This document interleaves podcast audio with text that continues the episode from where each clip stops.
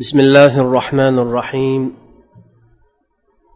إن الحمد لله نحمده ونستعينه ونستغفره ونعوذ بالله من شرور أنفسنا ومن سيئات أعمالنا. من يهده الله فلا مضل له ومن يضلل فلا هادي له. وأشهد أن لا إله إلا الله وحده لا شريك له. وأشهد أن محمدا عبده ورسوله صلى الله عليه وسلم وعلى آله وأصحابه وأتباعه إلى يوم الدين وسلم تسليما كثيرا. وبعد. محترم وعزيز مؤمن مسلمان برادرlar mana muborak ramazon oyini ham kuzatish arafasida turibmiz alloh taolo tutgan ro'zalarimizni o'z dargohida qabul aylab o'tmish gunohlarimizni mag'firat qilsin. Bu darsimizda fitr zakoti haqida so'z yuritamiz inshaalloh. Fitr zakoti o'zi nima miqdori qancha uning hukmi va qanday hikmati bor chiqarish vaqti qachon degan savollarga hadis shariflar va u hadis shariflarga binoan ulamolarimizni qilgan ijtihodlaridan baholi qudrat javoblar qidiramiz imom buxoriy va imom muslim sahih to'plamlarida rivoyat qilishlaricha abdulloh ibn umar aytadilarki فرض رسول الله صلى الله عليه وسلم زكاة الفطر من رمضان صاعا من تمر أو صاعا من شعير على العبد والحر والذكر والأنثى والصغير والكبير من المسلمين muttafaqun alayh.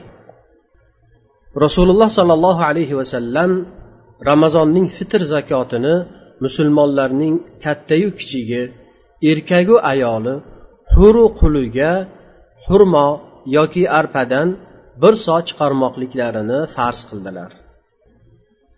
Yana imom buxoriy abu said hudriydan rivoyat qilgan hadisda abu said aytadilarki كنا نخرج يوم الفطر في عهد رسول الله صلى الله عليه وسلم صاعا من طعام وكان طعامنا الشعير والزبيب والأقط والتمر رواه البخاري رسول الله صلى الله عليه وسلم davrlarida fitr kuni taomdan bir so zakot chiqarar edik o'sha vaqtda taomimiz arpa mayiz aqit ya'ni qurut kabi bir taom va xurmo edi deydilar. Demak fitr zakoti ramazon ro'zasiga tegishli sadaqa ekan. Kimlarga vojib bo'lishini tashilu zaruriy kitobining muallifi shu tashilu zaruriy deb nomlangan kitoblarida bayon qilib aytadilarki u inson zakotning qaysi turidan bo'lmasin nisobiga qodir bo'lsa va yashab turgan uyidan kiyib turgan iste'moldagi kiyimidan uy ro'zg'origa ishlatadigan anjomlaridan va qurolidan ortiqcha bo'lgan har bir musulmon hur kishilarga bu zakotni chiqarish vojib. Ammo uni oluvchilarga kelsak ulamolar aytadilarki ular kambag'al kishilar bo'lib ulardan biriga ko'pchilik zakotini jamlab bersa ham bo'ladi. Bir kishiga bersa ham bo'ladi va ko'pchilik jamlab bir kishiga bersa ham bo'ladi. Bir kishi zakotini bir kishiga berishligi shart emasligi bu gaplardan bizga ayon bo'ladi. Ayniqsa zakot olishga haqlik bo'lgan qarindosh urug'laringizga zakotingizni to'plab berishingizda siz uchun juda katta ajrlar bor. Miqdori esa bir so o'sha vaqtdagi o'lchov birligi bo'lib to'rt mudga teng. Mud esa o'rta qo'llik insonning ikki kafti to'la miqdorichadir. Avvalgi hadisda qulga ham fitr zakoti farz deyildi. Buning ma'nosi xo'jayini bo'ynida deganidir. Chunki qulning hech qanday mulki bo'lmay balki o'zi mulkdir. Shuningdek yosh bolalar uchun ham otalari ular haqida zakotil fitrni chiqarmoqliklari darkor. Tashilu zaruriy muallifi oshiq ilohiy shu kitoblarida aytadilarki fitr sadaqaning miqdori bug'doydan yarim so xurmo mayiz va arpadan esa bir so agar bu narsalarning qiymatini bersa ham joizdir.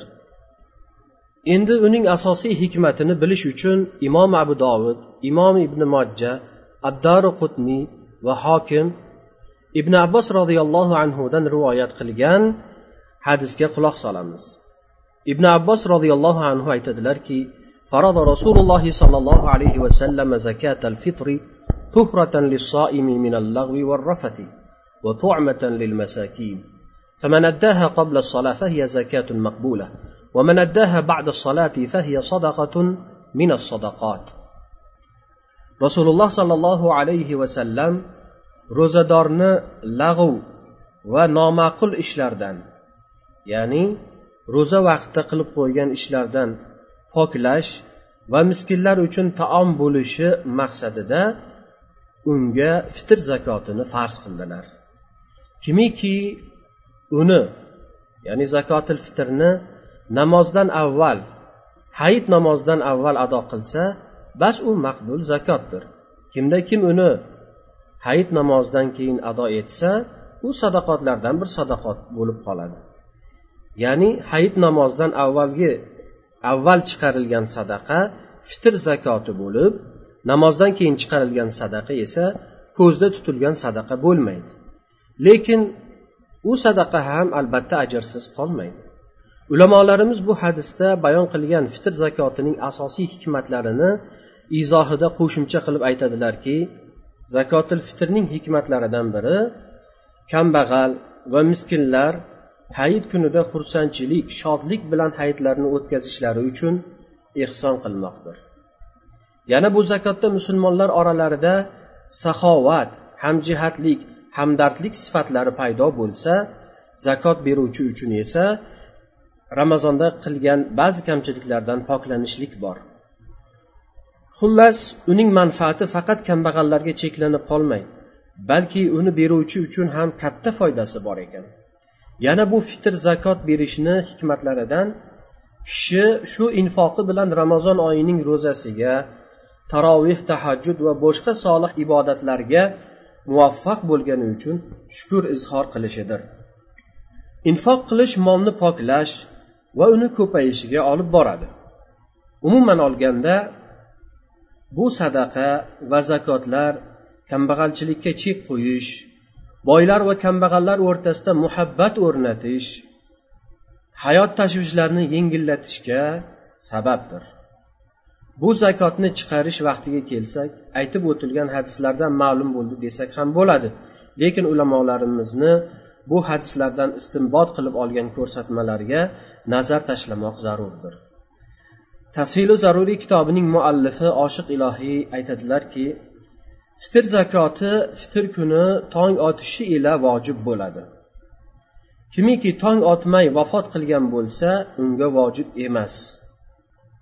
Ya'ni o'lib ketgandan keyin uning farzandlari u uchun zakot fitr chiqarishlari vojib emas. Shuningdek tong otgandan keyin tug'ilgan yoki islomga kirgan kishiga ham vojib emas. Uni chiqarish uchun mustahab vaqti ya'ni eng afzal vaqti bomdod namozidan keyin hayit namozini o'qish uchun chiqqan vaqtda bermoqdir deydilar. Hayitdan bir kun avval bersa ham bo'ladi deb joiz vaqtini ham aytib o'tadilar. Alloh taolo barchalarimizni yaxshi amallar qilishga yeng shimiradiganlardan qilsin. Va kelayotgan hayitlaringiz muborak bo'lsin. Assalomu alaykum va rahmatullohi va barakatuh.